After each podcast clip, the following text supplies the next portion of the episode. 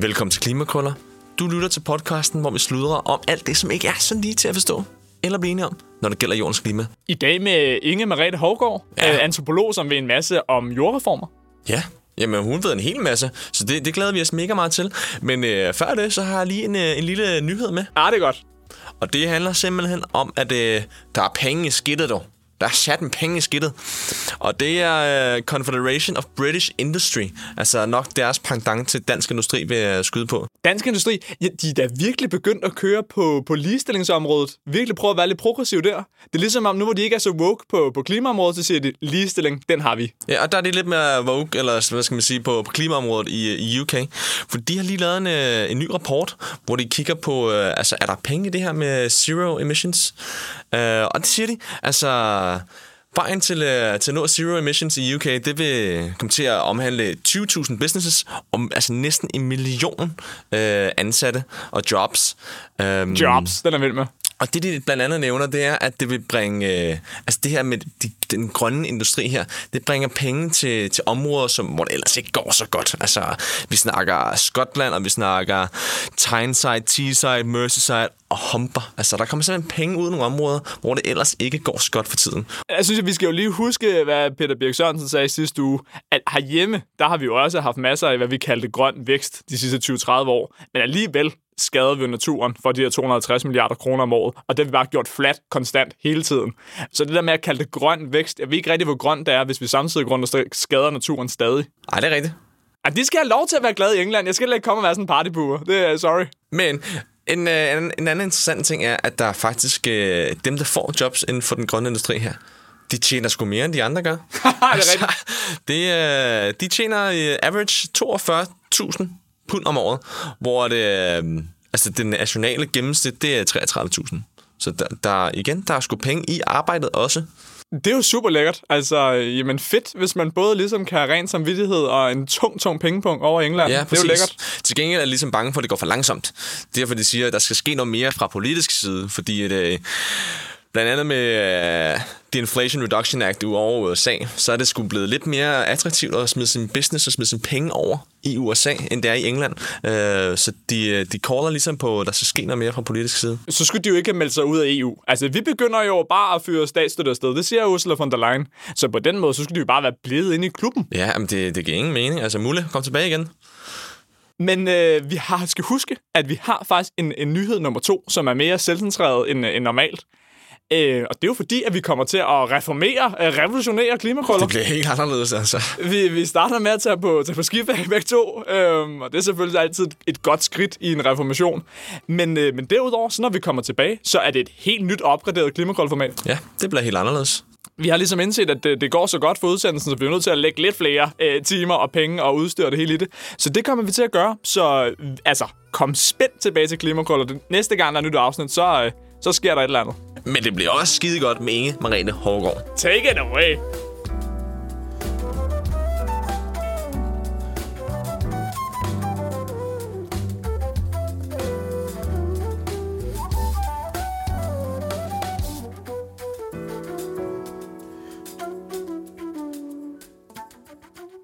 Velkommen til, uh, Inge Merete Hovgaard. Du er antropolog her på Københavns Universitet, og så skal vi også sende en lille skud ud til, til Lund, fordi der er du også tilknyttet, og der hedder centret Luxus. Er det ikke rigtigt, det center, du arbejder på der? Jo, det hed det. Ja, det synes jeg, det var, det var stærkt. Så vi skal give lidt ros til svenskerne. Selvom deres regering er håbløs, så kan de altså noget med akronymer.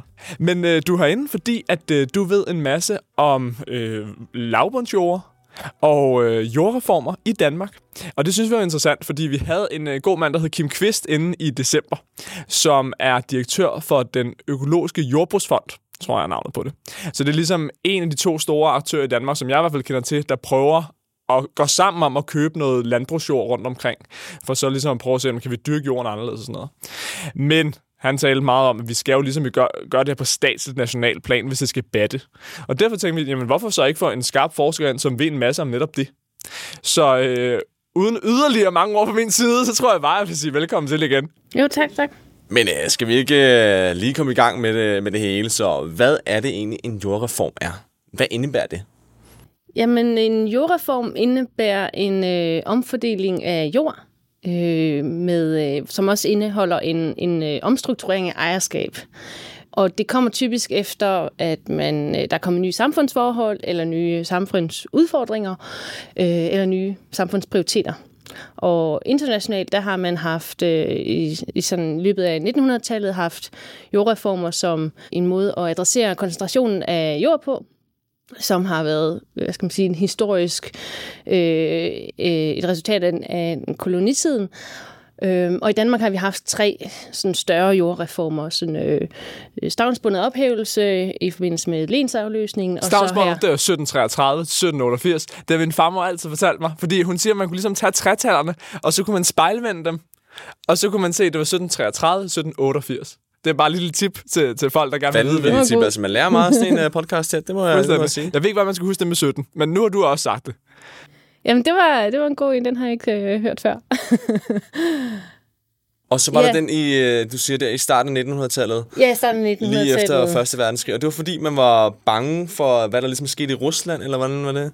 Jamen, altså, der var stadigvæk en stor koncentration af et land øh, af jord øh, på de store godser, så øh, ligesom et behov for at komme den her koncentration af jord til, til liv. Så man var simpelthen bange for sådan et, et folkeligt oprør? Jamen altså, man så, hvad der, hvad der skete i Rusland, og det er også noget, der er blevet brugt senere hen i, i Latinamerika, at man har set, sådan, at vi skal undgå de der øh, revolutioner, og lad os hellere få fordelt jorden, inden, øh, inden vi kommer dertil. Og jeg tænker ikke, det er sådan, at det, man ligesom er bange for i dag, at øh, der skal opstå et folkeligt oprør, eller i hvert fald ikke en kommunistisk revolution. Men hvorfor er det så, at vi har brug for en, øh, en jordrevolution i Danmark? En jordreform.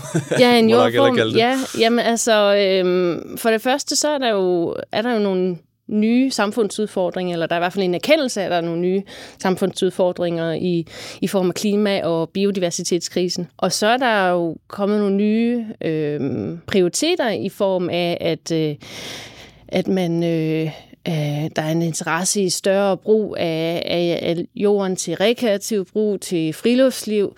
Og også som en del af den her af, af klimakrisen er der også behov for, for flere arealer til energi hvad hedder det, øh, vedvarende energi, udbygningen af vedvarende energi på land.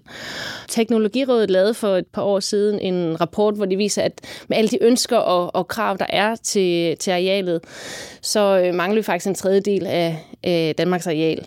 Så man er ligesom nødt til at tænke nogle af de her forskellige interesser og, øh, og ting sammen. Øhm, så der er det her pres på areal, og derudover så har man øh, som, som en øh, resultat af sådan hele strukturudviklingen og globaliseringen og specialiseringen, så øh, er der kommet langt færre øh, landbrug, øh, langt færre landbrugere, end der var for 50-60 år siden. Og det vil sige, at de arealer, der er, de er på færre hænder, øhm, og det kræver langt større investeringer, og det er jo nok også noget af det, I, I talte med øh, Kim Kvist. Kim Kvist om i december. Og det gør, at, at, at der er en, en større gæld i, i landbruget. Og også, at for de folk, som bor i nærheden og gerne vil måske øh, gå en lille tur, at den forhandling, man, skal, man kan sige, der er med sin nabo, må jeg gerne gå på din markvej. Hvis naboen ikke er ejeren længere, hvis du skal til udlandet, eller til Vejle, eller hvor du skal hen for at, at snakke med din nabo, øh, så bliver det bare meget sværere at få adgang til de arealer. Var det op igennem nullerne, eller var det endnu længere tilbage, at det blev liberaliseret det her med, hvem der begyndte at have ejerskab over de danske landbrug, at vi fik flere og flere internationale kapitalfonde, som vi også kender med boligmarkedet herhjemme, ind over til rent faktisk at eje nogle af gårdene. Som du siger, så er det svært at spørge, om man kan det en mark, hvis vedkommende sidder i New York. Ja, altså... Øhm man kan sige, at hele strukturudviklingen er helt tilbage fra, fra 60'erne nok, og, og fremad der, fra øh, hele mekaniseringen af det. Og, øh, men sådan selve øh, liberaliseringen af ejerskabsformer er, er noget nyere, og det er sådan her efter årtusindskiftet. Men sådan en, øh, en øh, jordreform, hvad, øh, hvad skal en, en jordreform indeholde i dag? Jamen altså, som, som det første, så vil man jo kigge på den her udtagning af lavbundsjord. I dag er der nogle individuelle ordninger, som... Øh, øh, som den enkelte landbruger kan søge øh, for at få udtaget. Men man, både det går langsomt i forhold til, hvad man gerne vil opnå på politisk plan, men også øh, man får ikke rigtig tænkt på tværs af, hvordan, hvordan hænger de forskellige jorder sammen, og hvordan kan vi, vi tænke ind i, i større områder, og også hvad er det så, vi skal bruge jorden til bagefter. Øh, så det vi har undersøgt i vores projekt er det her med multifunktionel jordfordeling, hvor man vil, som et redskab til, hvor man gennem øh, køb og salg af jord, ligesom samtænker nogle af de her forskellige hensyn, der er til landbrugsproduktion, øh, rekreation, energiplanlægning, klimatilpasning, øh, drivhusgasreduktion, alle de her ting, biodiversitet, vandløbsbeskyttelse, øh, alle de her forskellige ting, tænker man ind i, i det begreb. Øh, og det vi kan se i vores projekt, når de, de øh, hvad hedder det, de projekter, som vi følger, at øh, det er et rigtig godt redskab, fordi man får sikret både sådan en, en god lokal inddragelse af lodsejere, såvel som, som de andre lokale borgere.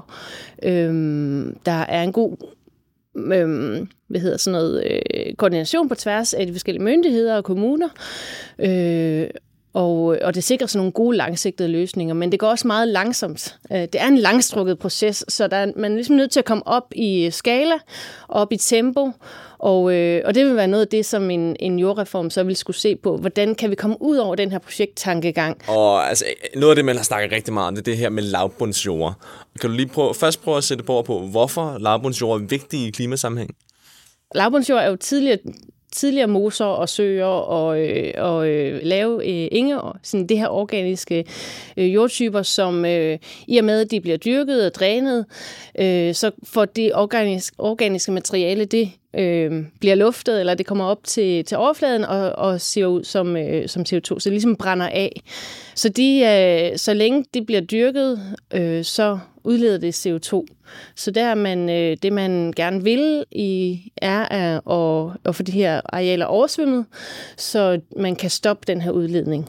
Så ligesom kommer tilbage til deres naturlige tilstand, så at sige. Ja, deres naturlige hydrologi, siger man, ja. Har du nogle gode bud på, hvordan man gør det? For jeg tænker, det lyder som en, en herlig verden, det her, hvor man får lo- lokale beboere ind over, man tænker på biodiversitet og klima og så videre. Øh, men det har jo indtil nu gået meget langsomt med at udtage de her lavbundsjord. Altså, hvordan får I sat gang i hjulene? Hvad er det, der skal til? Altså, der er også en, en, en bekymring for, at øh, eller en, ja, en bekymring for, hvordan landskabet vil, vil forandre sig, hvordan det vil se ud øh, æstetisk i forhold til, at man, man har jo en eller anden der er en eller anden romantisk idé om at have de der små øh, englodder, hvor køerne går og græsser og sådan noget, men, men frygten blandt nogle af lodsejerne er også, at, at hvis det bliver vådlagt, at det så kommer til at, øh, at gro til i krat, som de siger. Altså, at det, øh, det der øh, idylliske guld eller landskab, det bare bliver sådan et stort øh, kratområde. Og det, som øh, vi arbejder sammen med, med tre kommuner og Naturstyrelsen, det, som, som, øh, som de siger, ja, er, jamen det handler jo om at få det, at få, få det afgræsset og få, få dyr ud på de her områder og få de rigtige dyr ud. Ikke? Øh, hvilket som helst slags kvæg, der skal ud, men, men nogle af dem, som kan gå ud hele året og sikre, at der kommer andre slags biodiversitet på, øh, på de arealer. Den her MUSFIO-ordning, som øh, multifunktionel jordfordelingsordning, som har løbet, har kun haft øh, midler til selve øh, kendelsesprocessen, altså selve jordfordelingsprocessen, øh, og ikke til opkøb af erstatningsjord, øh, facilitering af den her inddragelse, øh, hvad er det for nogle projekter, der så skal, hvis der skal, skal rejse skov bagefter, den slags ting, har der ikke været midler til. Så det, det vil sige, at hvis, hvis man virkelig vil det her, så skal man have en stor pulje penge til at, øh, til at få, øh, for de her forskellige ting gennemført på samme tid, i stedet for at man skal ud og finde, finde midler i forskellige puljer rundt omkring. Så det er virkelig sådan et tilhørsforhold, man har til, til lokalområdet, og det er der, min far, min bedstefar eller bedstemor har, har været landmænd, og er ligesom en frygt for, at det skal ændre sig. Ja, og også alt den, det arbejde, der er blevet lagt i det. Altså, man har, det var min bedstefar, der gik og lagde drænene i 1918, eller hvornår det nu var. Altså, man begyndte, øh, man, der er også den tilknytning til, arbejdet med jorden, og, og hvordan det sådan, ligesom gennem generationer er blevet, øh, er blevet, blevet dyrket og, og taget vare om på forskellige, på forskellige vis. Det er meget spændende aspekt, det der med, at øh, når man normalt taler om landbrug, så er det meget logiske argumenter, der kommer ind, ikke? hvor det her det er meget mere følelsesbetonet egentlig. Ja, ja altså, men jeg tænker også, der er begge dele, fordi på den ene, man kan jo godt både have tilknytning til et område, og så stadigvæk være afhængig af at få en, øhm, få en økonomisk produktion ud af det, og få et økonomisk overskud ud af, af den produktion. Er der måske også en frygt for det her med ligesom at at ændre sit landbrug. At man måske ikke, lad os sige, jeg dyrker det her, og nu skal jeg til at dyrke det her, for at det bliver mere bæredygtigt. At man måske ikke ved nok om det. Skal de have mere hjælp, landmændene måske egentlig? Jamen, altså, jeg synes, jeg, jeg hører, at land, landbruget, øh, de, de siger jo, at de altid er gode til at omstille sig. De har jo altid forandret sig. De har altid fulgt med tiden, hvis man skal sige det sådan. Så noget, det jeg tænker på, det er, når man gennem den her... Hvad, hvad kaldte du metoden? Den havde et skønt navn det her multifunktionel... Du kaldte det et eller andet sødt. Hvad sagde du? Øh, multifunktionel jordfordeling. Ja, den havde rigtig god forkortelse. Nå, Mufio. Mufio. Ja, ja, Mufio. Det er altså sådan en lille uh, pudelhund eller andet. Når man kaster sig ud i den pudelhundsmetode, så er det jo noget med, at den enkelte landmand mister noget lavbundsjord et sted, og så tænker jeg, at vedkommende vel bliver kompenseret ved at kunne købe et andet stykke nabojord. Fordi ellers så bliver landmandens areal jo bare alt i alt mindre. Og så tænker jeg, så mister han jo de stordriftsfordele, og han har investeret i alle de der store maskiner, som har stiftet al den gæld for ham. Og sådan. Hvad, hvad gør man der? Er det altid muligt, at der er et andet stykke landbrugsjord, vedkommende så kan købe i stedet for? I MUF-ordningen så har øh, Landbrugsstyrelsen har de her jordfordelingsplanlægger, som går øh, tager ud til de enkelte lodsejere og ligesom spørger, hvad er dine planer med din bedrift øh, fremover. Og der er jo nogle lodsejere, som, øh, som måske er på vej på pension, Øh, der er også nogle lodsejere, som måske er interesseret i at ændre... Øh, ændre den måde, de har deres produktion på i dag. Det kunne være, at de vil øh, have færre husdyr. Øh, det kunne være, at de kunne tænke sig at prøve det her med øh, naturpleje som en driftsgren, hvor man får øh, græsende kvæg i, i nogle af de her ingeområder, som bliver for våde til at dyrke. Øh, og øh, så, så der kan simpelthen ligesom være forskellige måder, som den enkelte lodsejer kan se på, okay, hvad, hvad, hvad er der i det her for mig? Så for jordfordelingsplanlæggeren, så handler det jo om at finde ud af, hvordan får jeg det her puslespil til at gå op? Og det kan både være med, øh, at man afgiver noget af det lavliggende jord, og så finder noget erstatningsjord et andet sted, som du snakker om, så man ligesom beholder den samme øh, mængde areal. Øh, men det kan også være, at man øh, slet og ret afgiver noget jord, og, og så ikke har behovet for at, at finde noget et andet sted. Eller man opkøber noget, hvis man er interesseret i det. Øhm, Øh, noget af det, vi snakker om, som vi, vi tænker kunne være en god idé også at have med i den her øh, i, i, en, i en jordform, er det her med øh, nye former for, for øh, ejerskab, altså få gjort det nemmere at, at få det her lokale fælles eje, fordi der stadigvæk er øh, en, øh, det kræver stadigvæk nogle dispensationer og, og øh, få landsbysamfund for eksempel, eller samme øh, øh, landsbyfællesskaber og få, få opkøbt jord til, øh, øh, hvis de gerne vil have et rekreativt område eller sådan noget. Fordi der er sådan, stadigvæk er en, en, en række øh, krav til land landbrugsuddannelse øh, og sådan noget for at kunne eje jord. Øh, så længe det er klassificeret som, som øh, landbrugsjord. Så, øh, så det lyder lidt som om, så der er sådan forskellige muligheder, men der er helt sikkert også, altså det er også det, hvor vi siger, at der, hvad, man skal politisk sætte sig nogle retningslinjer for, hvad er det, vi gerne vil med den her jordreform. Vil vi rent faktisk komme også jordkoncentrationen til liv selv, hvad man skal sige. Altså er det også noget, vi vil adressere, eller vil vi kun fokusere på det med klima og biodiversitet? For hvis man også vil fokusere på det andet, så er man jo nødt til at tænke ind i, hvad er det så, vi kan? Altså hvilke muligheder vil der så være i forhold til at øh, altså, ændre strukturerne, ændre tilskudsordninger måske også, altså se på, hvad er det øh, for nogle muligheder, der overhovedet, der overhovedet er, hvis vi skal helt gentænke den måde, som, øh, som landbrug og, og landskabet øh, forvaltes på i dag. Hvor, I hvor høj grad tror du, ligesom det, den økonomiske faktor af, at landbrugene ligger ude tæt på de små landsbyer, er det vigtigste? Og hvor høj grad er det netop det sociale aspekt mellem de mennesker, der bor i landsbyen og bor ude på landbruget? Jeg ved ikke, om man kan opveje sådan de to på, på den måde, men, men der er... Øh Altså det er klart, at det økonomiske spiller en rolle, fordi det er en virksomhed, de har. Altså mange af de landbrugere, vi taler med, de omtaler det som en virksomhed. Men der er jo også nogen, som, som eller den samme person er det også, som også øh, måske er tredje, fjerde eller femte generation på, på en gård, og som har en helt speciel tilknytning til den gård og til området generelt. Øhm, så, så der er noget sådan med både, hvad kan man give tilbage til landsbyfællesskabet, og, og hvad, hvordan kan man også være med til at fastholde en produktion øh, i familiens navn, eller hvad det nu er. Det var simpelthen en øh, fornøjelse at have dig forbi, Inge, og snakke om øh, pudelhudens metode og labbåndsjord. Tak fordi du ville komme ind i studiet. Jo, tak. Tak fordi jeg måtte komme. Det var virkelig fedt.